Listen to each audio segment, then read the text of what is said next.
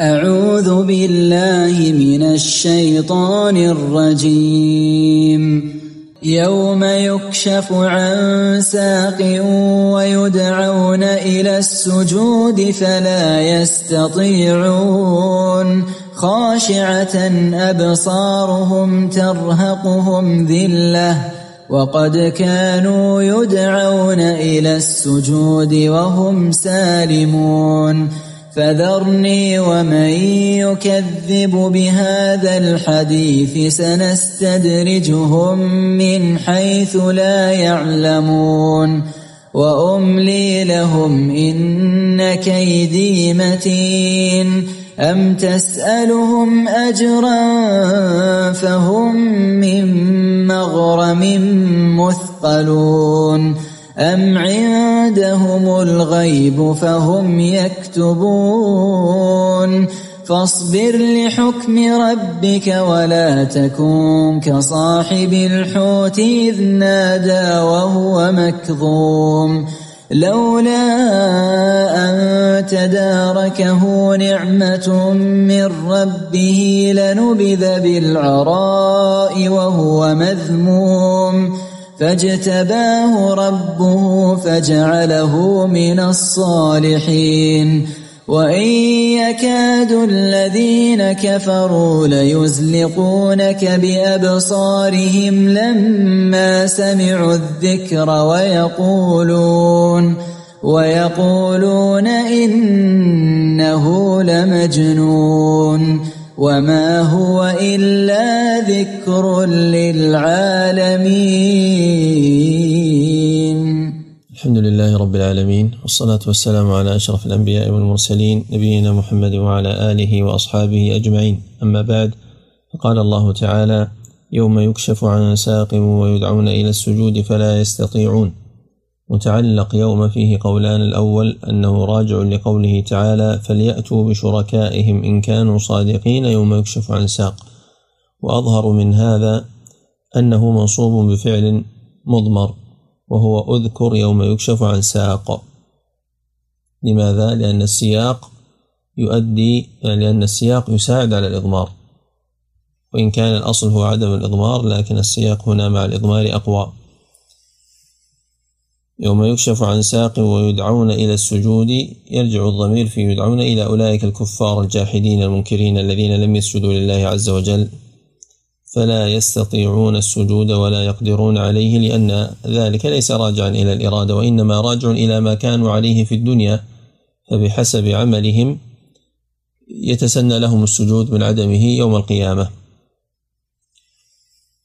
وهنا مبحثان المبحث الأول هو أن صفة الساق ثابتة لله عز وجل بنصوص واضحة صريحة. والمبحث الثاني هو هل هذه الآية تدل على ذلك المعنى أيضا؟ وتكون من أدلة هذه الصفة أو ليست كذلك؟ في معناها أقوال أقوى هذه الأقوال قولان. وباقي الأقوال فيها ضعف فنبدأ بما فيه ضعف لننتهي منه. فمن ذلك أن المراد بالساق هنا نور عظيم يخرون له. وهذا قد جاء من حديث أبي موسى وفي إسناده روح بن جناح رواه أبو يعلى والبيهقي في الأسماء والصفات وروح بن جناح شديد الضعف وقد تفرد به. رواه عن أبي موسى مرفوعا إلى النبي صلى الله عليه وسلم أنه قال يكشف عن نور عظيم يخرون له سجدا فهذا القول ساقط. القول الثاني من الأقوال الساقطة أن المراد بذلك ساق جهنم أو ساق العرش أي ساق شيء مخلوق. وهذه من تأويلات الرازي البعيدة الساقطة وهو قول منكر أيضا. القول الثالث أن المراد ساق الميت وأن هذه الآية المراد بها دنو الأجل وضعف البدن وهذا أيضا من الأقوال الضعيفة المستبعدة. هناك قول وسط ليس في الضعف كهذه الثلاثة وليس في القوة كالقولين المشهورين اللذين يقتصر عليهما كثير أو جملة من أهل التفسير وأهل العلم. وهو أن المراد بالساق النفس. فإن أبا سليمان الخطابي قال لم أسمعه من قدوة وقد يحتمله معنى اللغة.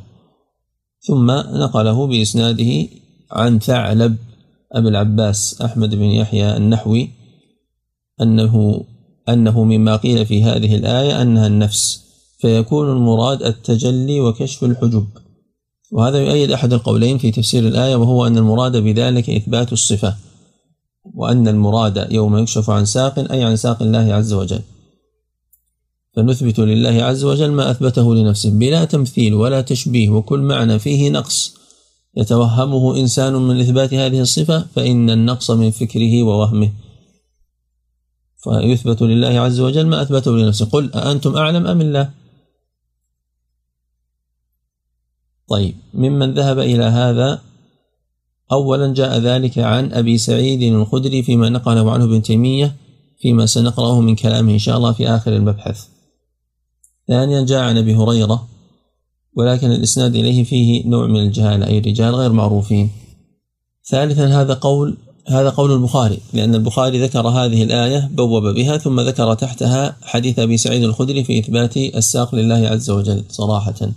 وأما الطبري فإنه قد ذكر تحت هذه الآية الأسانيد التي تدل على القول الذي بقي وسنذكره الآن وهو أن المراد بذلك الشدة والكرب. وذكر الأحاديث التي فيها إثبات الصفة صفة الساق تحت هذه الآية أيضا. وممن قال أيضا بأن المراد بهذه الآية إثبات الصفة القاضي أبو يعلى.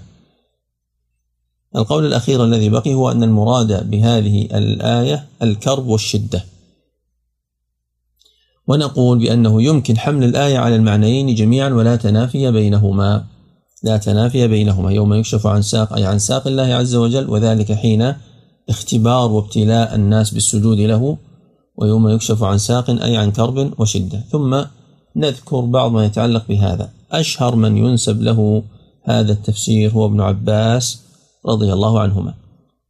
عبد الله بن المبارك في كتابه الزهد روى عن أسامة بن زيد عن عكرمة عن ابن عباس في قوله تعالى يوم يكشف عن ساق قال عن كرب وشدة. وقد رواه من طريق ابن المبارك الطبري في تفسيره والحاكم في مستدركه. وقد رواه عن عبد الله بن المبارك بهذا الإسناد الطبري في تفسيره والحاكم في مستدركه والبيهقي في الأسماء والصفات. وهذا الإسناد ضعيف لأجل أسامة وابن المبارك يروي عن الاثنين. أسامة بن زيد العدوي وأسامة بن زيد الليثي والعدوي أشد ضعفا من الليثي وكلاهما ضعيف. ولكن الأثر صحيح ثابت عن ابن عباس لأنه قد جاء عنه من نحو خمسة طرق. رواها الطبري والبيهقي منها طريق عطية العوفي وهو ضعيف ومنها طريق عمرو بن دينار عنه ومنها صحيفة علي بن أبي طلحة عن ابن عباس. فهو بلا شك بمجموع هذه الطرق ثابت عنه. ثم قد أسنده الطبري عن جمع من السلف كمجاهد وعكرمة وسعيد بن جبير وغيرهم أن المراد بذلك شدة الأمر وجده ووجهه في اللغة أن الأصل في اللغة أن الأمر الذي يحتاج إلى جد واجتهاد يحصل معه تشمير الساق فاستعير الساق والكشف عن موضع الشدة مطلقا. فيكون معنى هذه الآية على هذا القول يوم تحصل شدة يوم القيامة. ولذلك جاء عن ابن عباس أنه قال هي أشد ساعة يوم القيامة. لكن الذي ينفي عن الله عز وجل صفة الساق بناء على أن معنى الآية يكشف عن شدة فهذا باطل. لماذا؟ لأن هناك نصوص لا تحتمل الرد. عندنا ثلاثة حديث في هذا. حديث أبي سعيد الخدري وحديث أبي هريرة وحديث ابن مسعود. حديث أبي سعيد الخدري في صحيح البخاري. من طريق زيد بن أسلم عن عطاء بن يسار عن أبي سعيد الخدري. قال سمعت النبي صلى الله عليه وسلم يقول يكشف ربنا عن ساقه فيسجد له كل مؤمن ومؤمنة. فيبقى كل من كان يسجد في الدنيا رياء وسمعة فيذهب ليسجد فيعود ظهره طبقا واحدا ورواه مسلم أيضا. من طريق زيد بن أسلم عن عطاء بن يسار عن أبي سعيد لكنه أطاله وذكر الأمم التي يدخلون النار وتتبع كل أمة ما كانت. الشاهد منه أنه قال هل بينكم وبينه آية تعرفونه؟ المؤمنون ينتظرون الآن يقولون من تنتظرون وقد ذهب الناس وتبعت كل أمة ما كانت تعبد؟ قالوا ننتظر ربنا. هل بينكم وبينه آية تعرفونه؟ فيقولون نعم. رواية ابن خزيمة الساق. هذا ما لا يحتمل التأويل. كيف يقال الساق الذي هو العلامة معناها الشدة والكرب؟ لا يحتمل. فيقولون نعم فيكشف عن ساق. هذا لفظ مسلم. فيكشف عن ساق فلا يبقى من كان يسجد لله من تلقاء نفسه إلا أذن الله له بالسجود.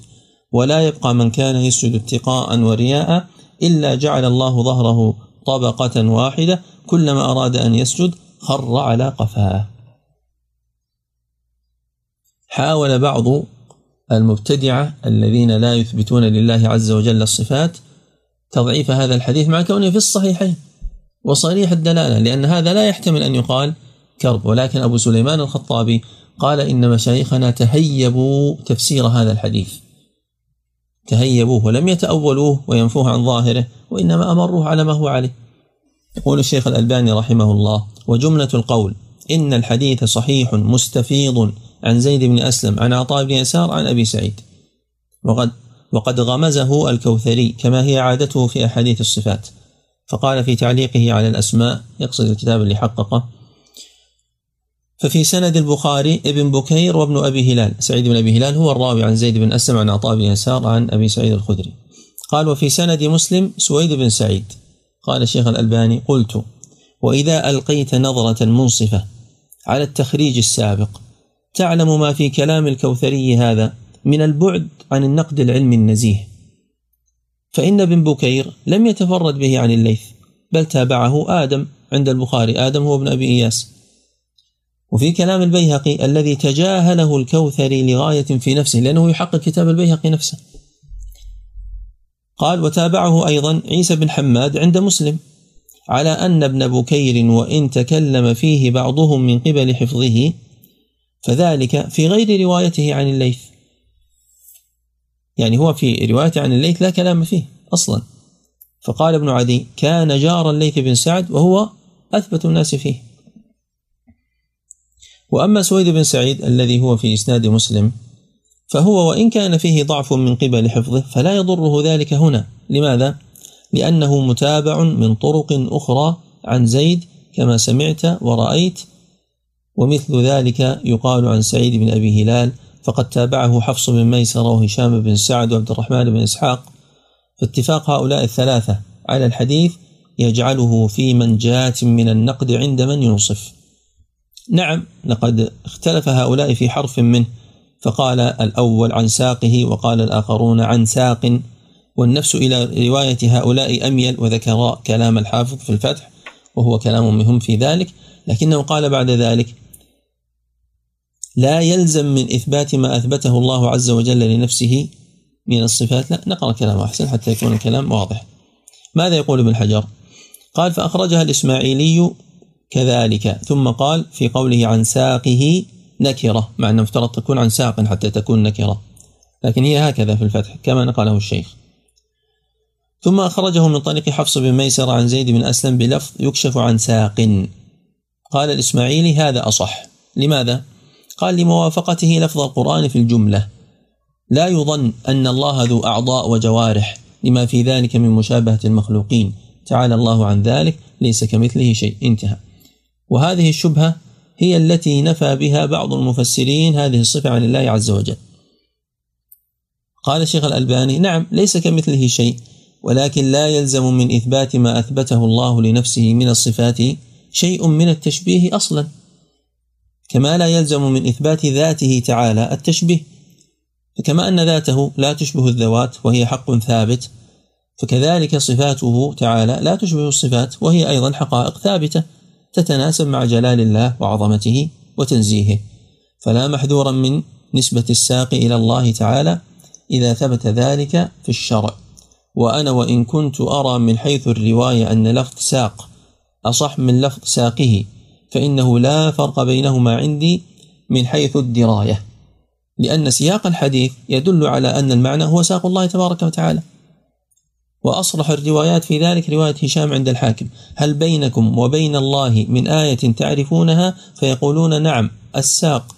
فيكشف عن ساق إلى آخره. هذا صريح أو كالصريح بأن المعنى إنما هو ساق ذي الجلالة تبارك وتعالى. ثم ذكر حديث ابن مسعود. حديث ابن مسعود بمعنى الحديث السابق. حديث أبي سعيد قد رواه البيهقي وابن خزيمة في كتاب التوحيد والطبري في تفسير هذه الآية. ولكن حديث ابن مسعود الشيخ ذكره من طريق واحد وله عند الطبري طريق أخرى مختلف فيها على ثلاثة أوجه. الاختلاف على الأعمش. الوجه الأول الأعمش عن المنهال بن عمرو عن ابن مسعود والثاني عنه عن المنهال بن عمرو عن قيس بن سكن قال حدث ابن مسعود والثالث عنه أي الأعمش عن المنهال عن قيس بن سكن وأبي عبيدة عن ابن مسعود كلها عند الطبري. الحديث الثالث هو حديث أبي هريرة. وحديث أبي هريرة رواه الدارمي بإسناد حسن. وقبل أن أنسى بعض الناس قد يقف على إسناد لحديث أبي سعيد الذي في الصحيحين الذي سبق الذي فيه آه، التصريح بالاستدلال بالآية وذكر الآية أيضا في ذلك ولكن يقول إنه ضعيف لأن في إسناد علي بن زيد بن جدعان. وهذا قد رواه الآجري وأبو الليث السمرقندي وعبد الله بن أحمد في الزوائد. نقول ليس مدار الحديث على علي بن زيد بن جدعان. الحديث ثابت بدونه. وكون الاستدلال من أبي سعيد لعله عمدة ابن تيمية في كون آه، في كون أبي سعيد الخدري ممن فسر هذه الآية بالصفة وأن الساق ساق الله عز وجل. أما ما يتعلق بأبي هريرة فإنه رواه مرفوعا وأخرجه ابن مندى عنه موقوفا. ابن مندى يقول يوم يكشف عن ساق عن أبي هريرة يوم يكشف عن ساق يكشف الله عز وجل عن ساقه. وأما المرفوع فهو بمعنى ما سبق. يحتمل أن يكون من كلام النبي صلى الله عليه وسلم أنه استدل بهذه الآية كما رواه الدارمي ويحتمل أن يكون من استدلال أبي هريرة على المسألة السابقة وهي آه، هل تعرفونه فيقولون إذا تعرف إلينا عرفناه فيكشف لهم عن ساقه فيقعون سجودا وذلك قوله تعالى يوم يكشف عن ساق ويدعون إلى السجود فلا يستطيعون. تلخص مما سبق أن هذه الصفة ثابتة لله عز وجل وأن هذه الآية تدل على ذلك وتدل على ما ذكره ابن عباس أيضا من كونه الكرب والشدة. شيخ يمكن الله إليك هل يمكن يعني الجمع بين القولين منها تدل على نفس المعنيين في نفس الوقت؟ نعم هذه قاعدة سبقت معنا وفصلناها وذكرنا عليها أقوالا كثيرة ولكن خلاصتها أن القرآن الكريم ليس ككلام البشر. فإنه إذا دل على معنيين ليس بينهما تنافي يحمل على كلا المعنيين. قال الماوردي وجوبا ليس الماوردي الشافعي عفوا المرداوي. قال المرداوي في التحبير حمله على جميع الوجوه وجوبا. والحمل على جميع الوجوه هو مذهب الحنابلة والشافعية. فحمل الآية على هذين المعنيين ليس فيه محذور. لكن هنا الوقفة التي سنختم بها هذا المبحث.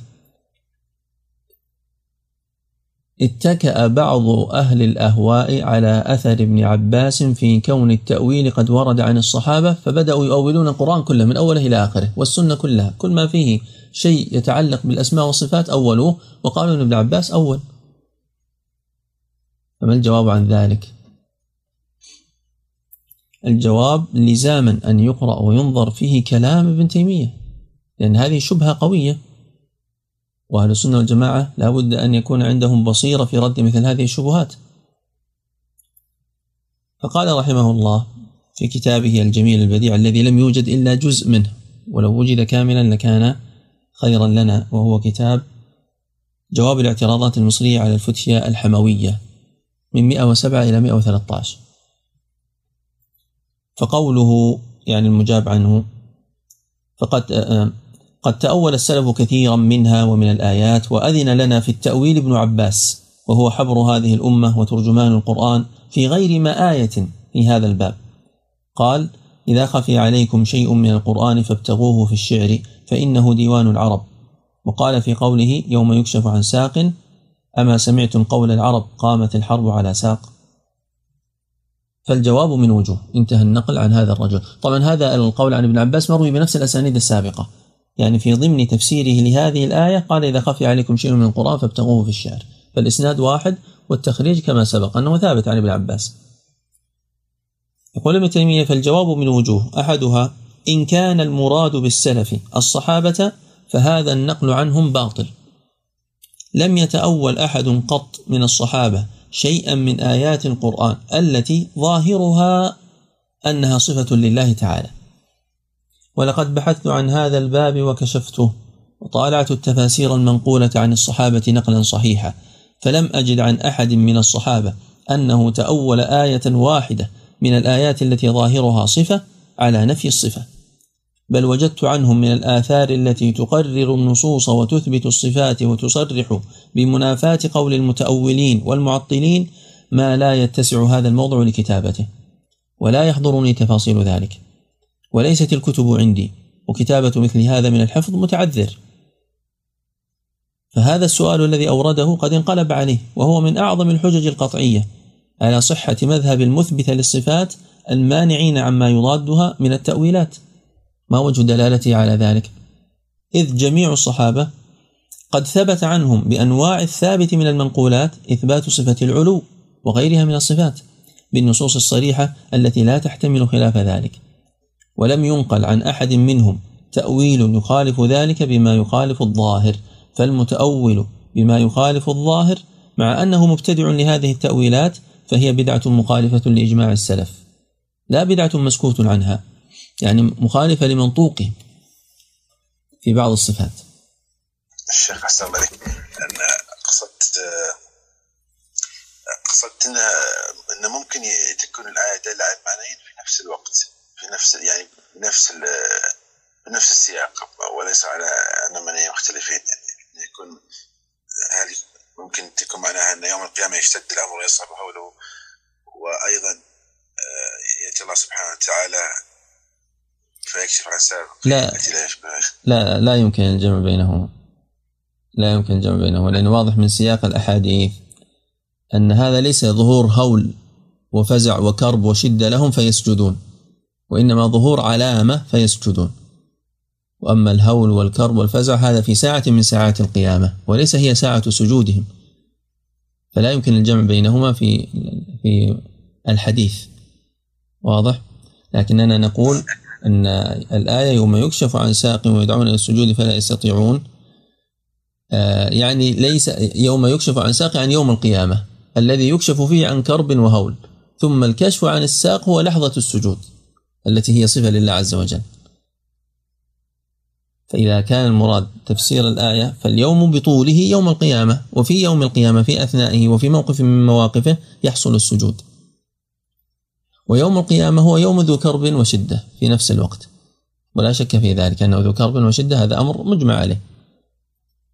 لكن الحديث محمول على أن تلك اللحظة بعينها ليس فيها تجدد كرب وشدة يسجد لأجله. أتمنى أن يكون واضح الكلام. نعم واضح. في قول شيخ من قال أنها تدل على الشدة والكرب. آه، هم استخدموا كشف عن ساق مجازا وأما كشف عن ساق آه، حقيقة يعني إذا إذا كان المقصود فيه غير الله سبحانه وتعالى فما المقصود فيه؟ فما المقصود به؟ البشر آه، نعلم أنهم يوم القيامة يكون عراة يعني نعم. ذكرنا أربعة أقوال في هذا. ذكرنا أربعة أقوال في هذا. في بداية الكلام ساق العرش ساق جهنم ساق الميت. وأن هذه أقوال ضعيفة أن الساق النفس هذا قريب من المراد به صفة الساق. ثم يوم يكشف عن ساق بمعنى كرب وشدة هذا مجاز. هل يمكن أن يكون اللفظ الواحد دالا على الحقيقة والمجاز معا؟ الجواب نعم. وهذه الآية من أمثلة ذلك. يشكل على ما نقلناه عن ابن تيمية ما ذكره الواحدي عن ابن عباس فيما نقلناه في آخر سورة الأنعام في قوله تعالى هل ينظرون إلا أن تأتيهم الملائكة أو يأتي ربك أو يأتي بعض آيات ربك؟ أنه يأتي ربك أي يأتي أمر ربك. وهذا والله أعلم لا يصح عن ابن عباس. لا يخفى على ابن تيمية ولا يصح عن ابن عباس. لم يذكر له الواحد إسنادا ولم ينقله عنه كبير أحد يعني لم يحفل به أهل العلم. هذا خطأ في النقل قطعا يقول ابن تيمية في كلامه الجميل بعد ذلك حتى يكتمل الفهم.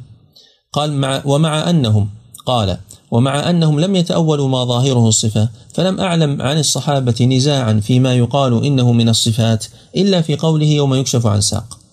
فإن هذا متنازع فيه زمن الصحابة. فعن ابن عباس وطائفة ما ذكره المعترض أن المراد به الكشف عن شدة. وقد بعد عهدي بالإسناد عن ابن عباس. هل هو متصل أو منقطع؟ ونقول كلاهما قد جاء. جاء متصلا ومنقطعا. وعن أبي سعيد الخدري وغيره جعله من الصفات. وفي الصحيحين عن أبي سعيد وغيره. وسبب النزاع أنه ليس في ظاهر الآية ما يدل على أنها من الصفات لأنه قال يوم يكشف عن ساق ولم يضف ذلك إلى الله بل نكره. ومعلوم أن هذا لا يدل بنفسه على أنه صفة لله بخلاف ما أضيف إليه. ولهذا تنازع فيه الصحابة. فيفهم من هذا النص أن النزاع في الآية وليس في الصفة لأن الصفة في صحيح البخاري كما سبق معنا يكشف ربنا عن ساقه. قال فمن أثبته احتج بحديث أبي سعيد المتفق عليه في الصحيحين وقال أيضا فرق بين أن يقال كشف الشيء وأن يقال كشفت عنه. فإن الشدة يقال فيها كشفها الله أي أزالها. كما قال تعالى قالوا يا موسى ادع لنا ربك بما عهد عندك لئن كشفت عنا الرجز. إلى قوله فلما كشفنا عنهم الرجز إلى أجل هم بالغوه. وقال تعالى في حق أيوب فاستجبنا له فكشفنا ما به من ضر. وقال تعالى وإذا مس الإنسان الضر دعانا لجنبه أو قاعدا أو قائما فلما كشفنا عنه ضره مر كأن لم يدعنا إلى ضر مسه. وقال تعالى قل أرأيتكم إن أتاكم عذاب الله أو أتتكم الساعة؟ أغير الله تدعون إن كنتم صادقين؟ بل إياه تدعون فيكشف ما تدعون إليه إن شاء وتنسون ما تشركون. قال تعالى ولو رحمناهم وكشفنا ما بهم من ضر للجوا في طغيانهم يعمهون. قالوا فالشدة يقال فيها كشفها ولا يقال كشف عنها والآية يوم يكشف عن ساق ويدعون إلى السجود. يعني هل هم بعد أن كشف على الكرب وذهبت الشدة يدعون إلى السجود؟ كشف عنها. أو قال فالشدة يقال فيها كشفها ولا يقال كشف عنه إذا أريد الإزالة. وأما الكشف عن الشيء فهو إظهاره وإبرازه كما يكشف العذاب عن الناس. العذاب نفسه مكشوف وأما الناس فهم مكشوف عنهم. لظهورهم وبروزهم بعد زوال العذاب عنهم. يعني المراد أنه شدة موجودة يوم القيامة تكشف ثم يدعون إلى السجود؟ أو المراد الشدة موجودة في ساعات يوم القيامة في ساعات يوم القيامة ثم يدعون إلى السجود عند انكشاف ساق؟ وإن كان المراد بقوله السلف التابعين فلا أعلم أحدا من التابعين تأول شيئا من النصوص التي ظاهرها الصفة بل القول فيهم كالقول في الصحابة. إلا أن دعوى الإحاطة بكلامهم أصعب. وعامة الأئمة والمفسرين على إثبات الصفات كما تقدم عن الصحابة والنقول بذلك عنهم كثيرة لا تنحصر. وبينهم نزاع في الساق كما تقدم. وقد نقل عن مجاهد في قوله فأينما تولوا فثم وجه الله أي فثم قبلة الله. ومن قال ذلك منع أن يكون لفظ الوجه هنا ظاهرا في الصفة بل الوجه كالوجهة. كما قال تعالى ولكل وجهة هو موليها. ومن أثبت الصفة مع ذلك سلك طريقة أخرى.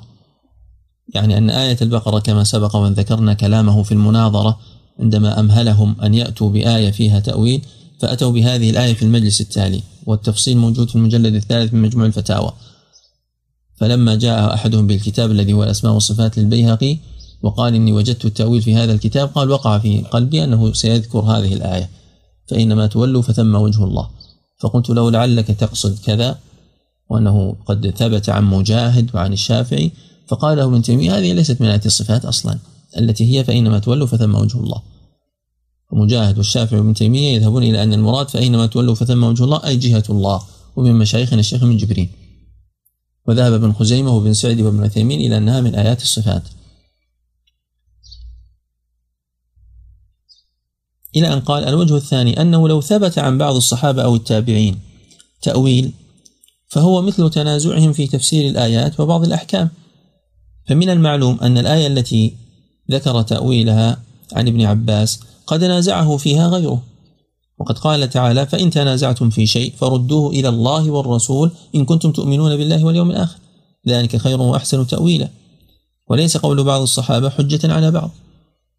وهذا الوجه لا بد أن نفهمه لأن بعض الناس الذي لا يريد التشنيع يكتفي بأن يقول هذا القول قال به فلان ويذكر عظيما معظما عند الجميع من الصحابة من التابعين من الأئمة الأربعة من غيرهم.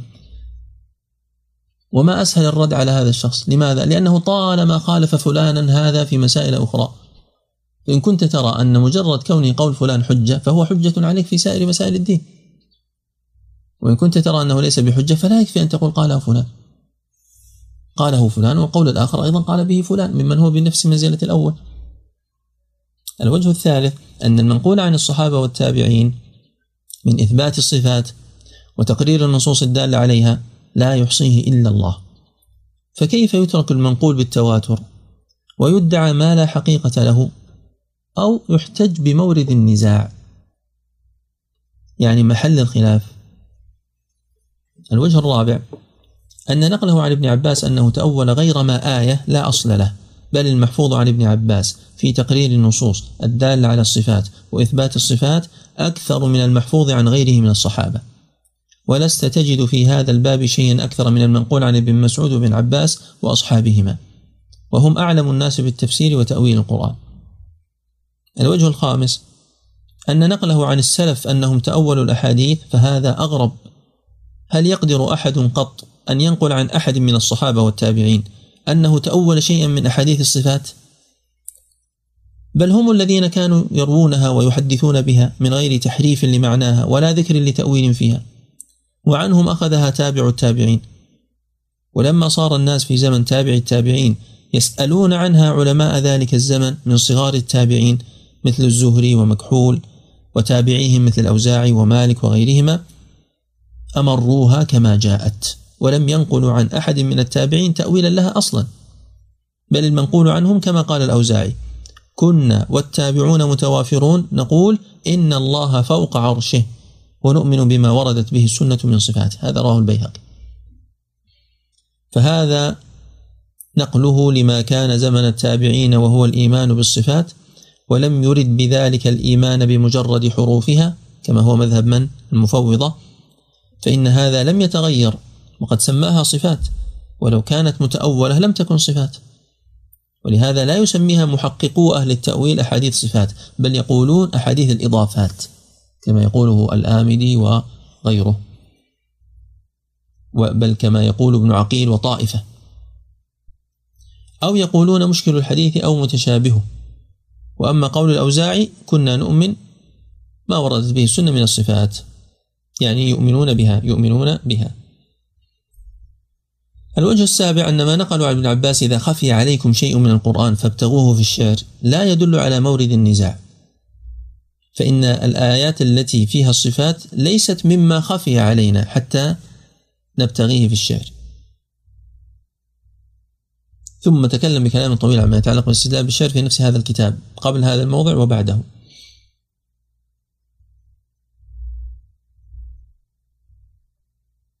الوجه الثامن أن هذه المسألة فيها نزاع وهو التمثل للقرآن ببيت من الشعر وتفسيره بمجرد اللغة. فيه روايتان عن أحمد. إحداهما جواز ذلك والثانية المنع من ذلك. لما تقدم من أن الصحابة والتابعين نقلوا معاني القرآن عن النبي صلى الله عليه وسلم فلا حاجة إلى أخذ معانيه من أحد.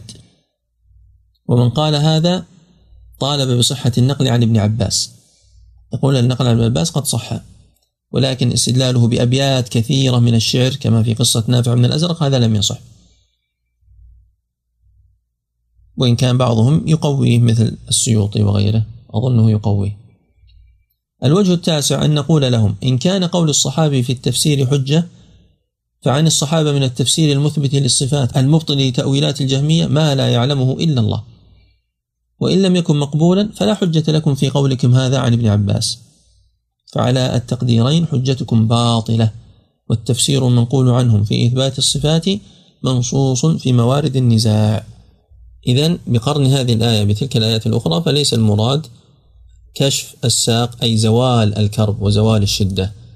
يوم يكشف عن ساق يقتضي أن تكون هذه الشدة والكرب تزال يوم القيامة. والواقع هو أنها تنزل وأنها تستمر بالكفار وتزداد حتى يدخلوا جهنم. فهذا مما يؤيد كونها من آيات الصفات. والله أعلم.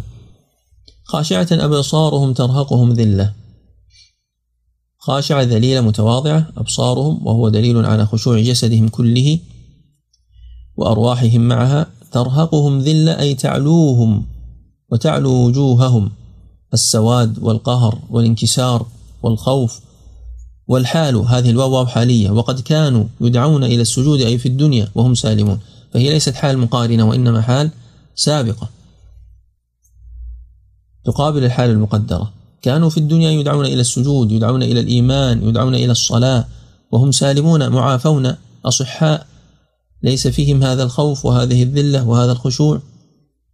ومع ذلك كانوا يأبون وهذا من أدلة وجوب صلاة الجماعة. وقد ذكر ذلك هنا القرطبي في تفسيره ونقل بعض الآثار عن السلف.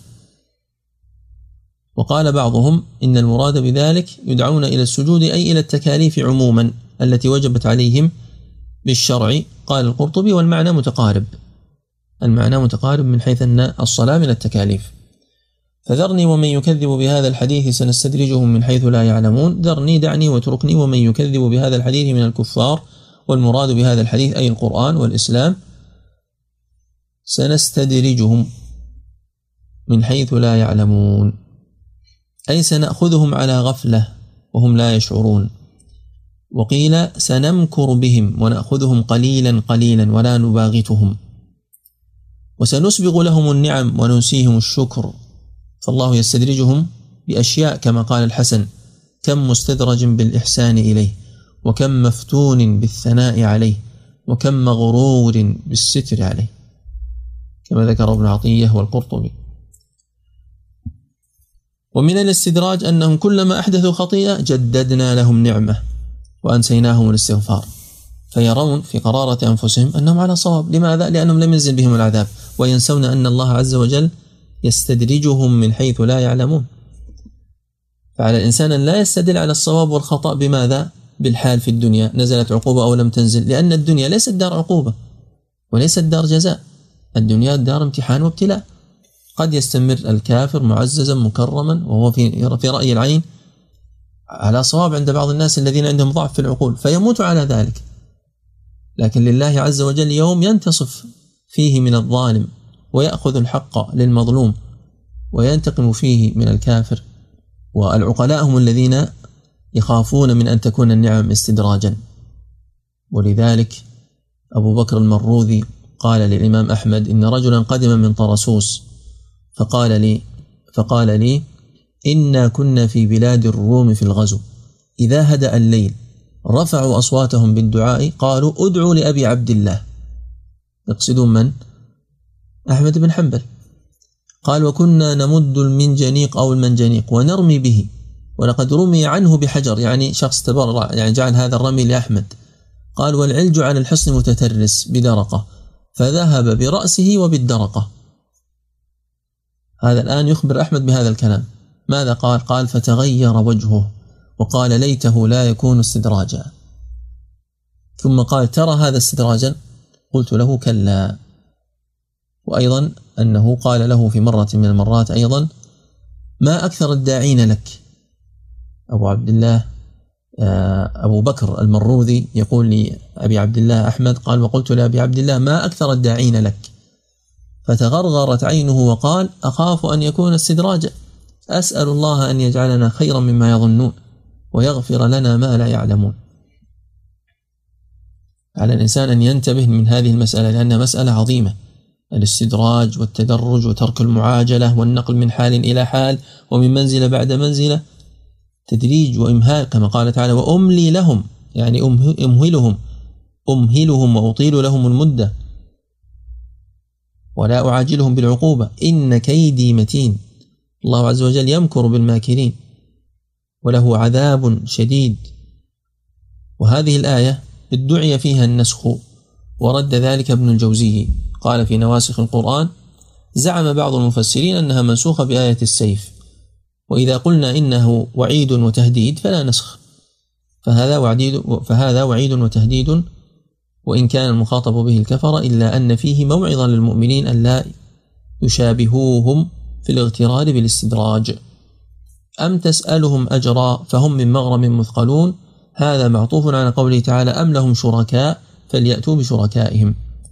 أم تسألهم أي تطلب منهم يا محمد وتلتمس منهم أجرا أي ثوابا وعائدا وعوضا؟ فبسبب ذلك هم من غرامة مثقلون أي بسبب ما تطلبهم به من المال أصبح يشق عليهم ويثقلهم غرامة طلبك. يعني في كلفة بسبب أنك تطلب منهم العوض وكأنه عوض كبير لأن العوض الكبير هو الذي يكلف.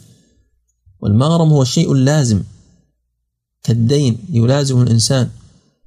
أم عندهم الغيب فهم يكتبون؟ أعندهم الغيب الذي هو عكس الشهادة فهم يكتبون؟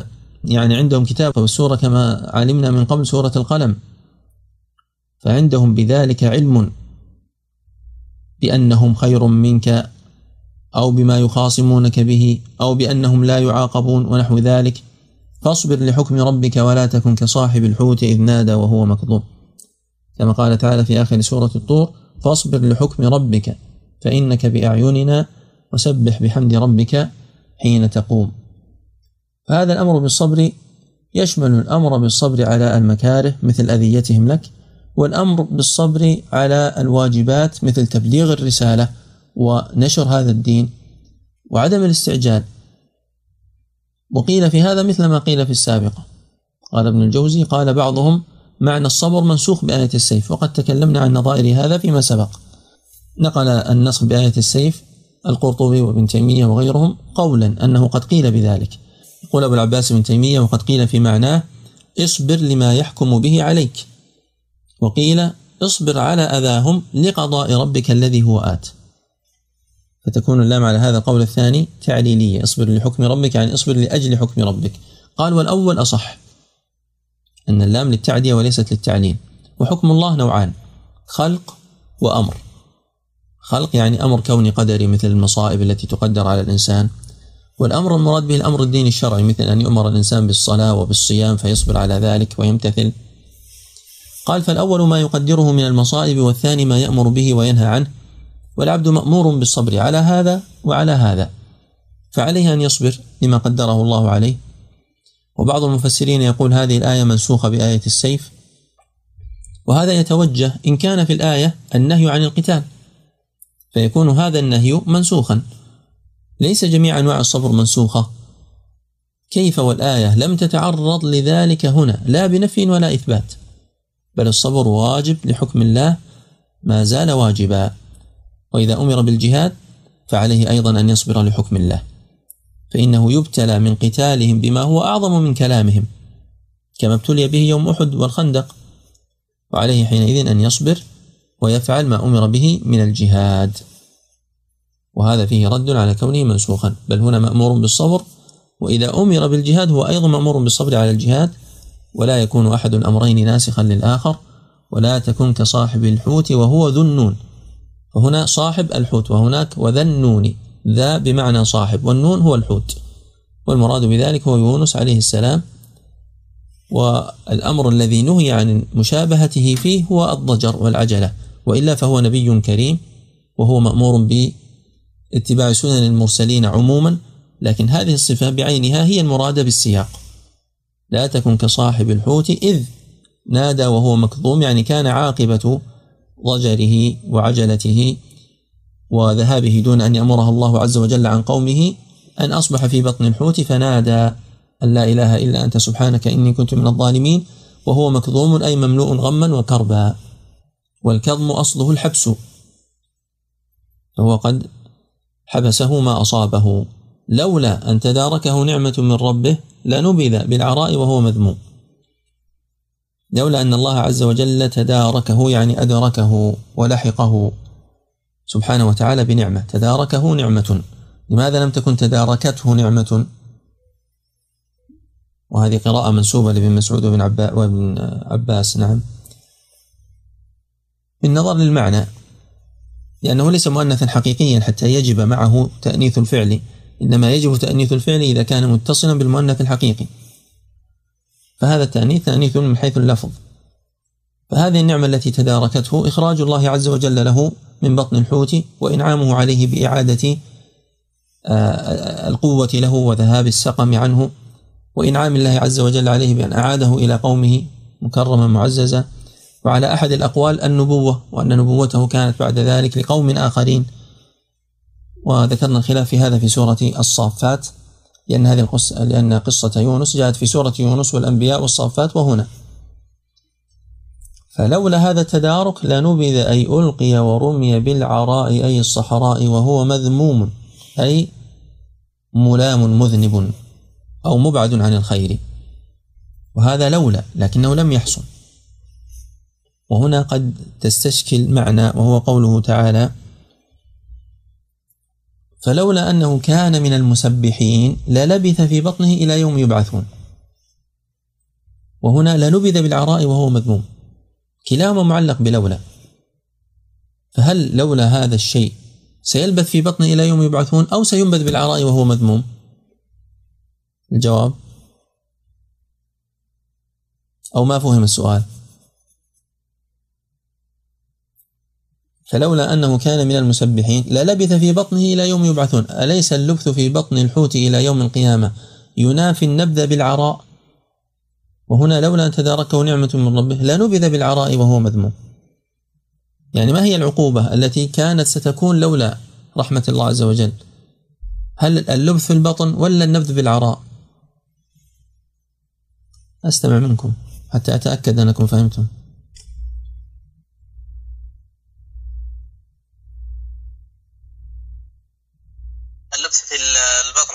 شيخنا. لا, لا لبث في بطنه. يعني ظاهر الآية أنه يعني لو لم يكن المسبحين للبث في بطنه. طيب. ما أجبت عن السؤال؟ العقوبة يعني أنه لو لم يكن من المسبحين أنت تقول إيش كانت العقوبة يعني؟ نعم. اللبث في البطن. طيب والآية التي معنا؟ لا نبذ بالعراء.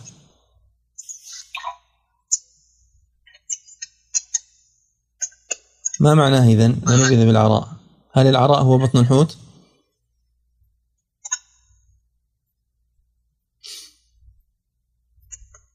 لا أعلم. طيب جواب آخر.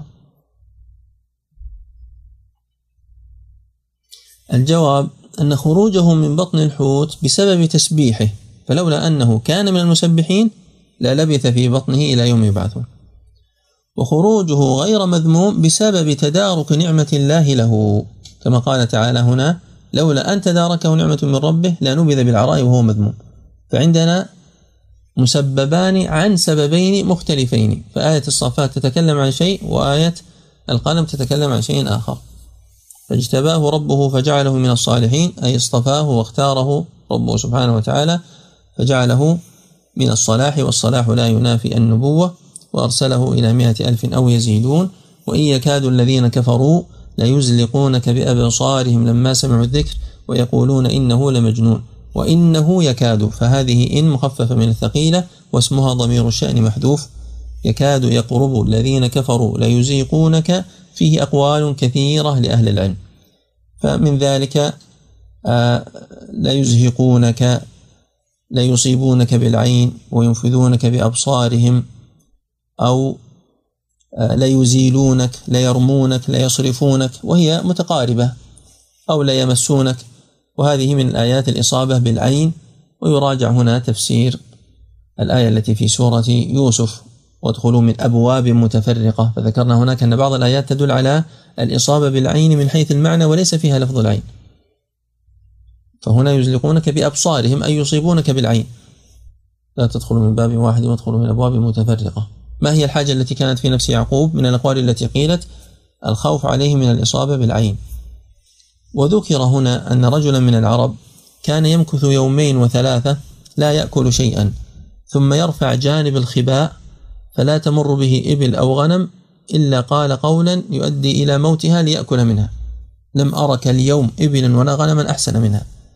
فتهلك طائفة منها يكون فيها طعاما له. وأن كفار مكة قد جاءوا إلى هذا الرجل وقالوا له أصب النبي صلى الله عليه وسلم بالعين فأجابهم. فلما مر به النبي صلى الله عليه وسلم أنشد قد كان قومك يحسبونك سيدا وإخال أنك سيد معيون. فعصم الله نبيه ونزلت هذه الآية هذا الكلام يذكره الواحدي والبغوي والقرطبي والماوردي ولكنه غير صحيح. فهو من مراسيل الكلب والكلب في ذاته ضعيف. كما يقال في مثل هذا ضعيف إذا أسند فكيف إذا أرسل؟ والقشيري قال وفي هذا نظر. يعني من حيث المتن أيضا فيه نظر لأن الإصابة بالعين تكون مع الاستحسان والإعجاب ولا تكون مع الكراهة والبغض. لكن في هذا التنظير نظر أيضا لأن الذي يتحكم في الإصابة بالعين قد يصيب ما يشاء بقدر الله عز وجل وبإذنه. فوجد ولوحظ. يعني هذا موجود وملاحظ أن بعض الناس يصيب بالعين بالاختيار وليس فقط بالاستحسان الذي هو ليس بإرادة منه.